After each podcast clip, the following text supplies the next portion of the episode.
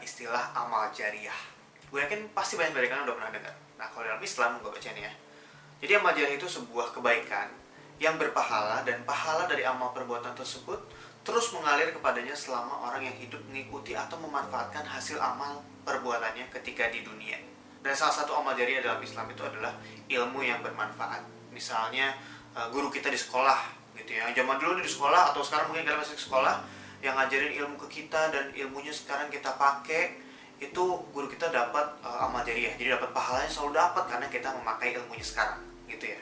Nah, yang jadi permasalahannya di sini adalah coba bayangin sekarang itu banyak banget konten-konten negatif di internet bayangin kalau misalnya lo bikin konten yang negatif yang mungkin sensasional, kontroversial dan ternyata banyak orang yang suka yang bahkan ngikutin dengan apa yang udah lo buat itu terus akhirnya menjalar ke banyak orang dan banyak orang yang ngikutin bayangin coba secara logika aja gitu.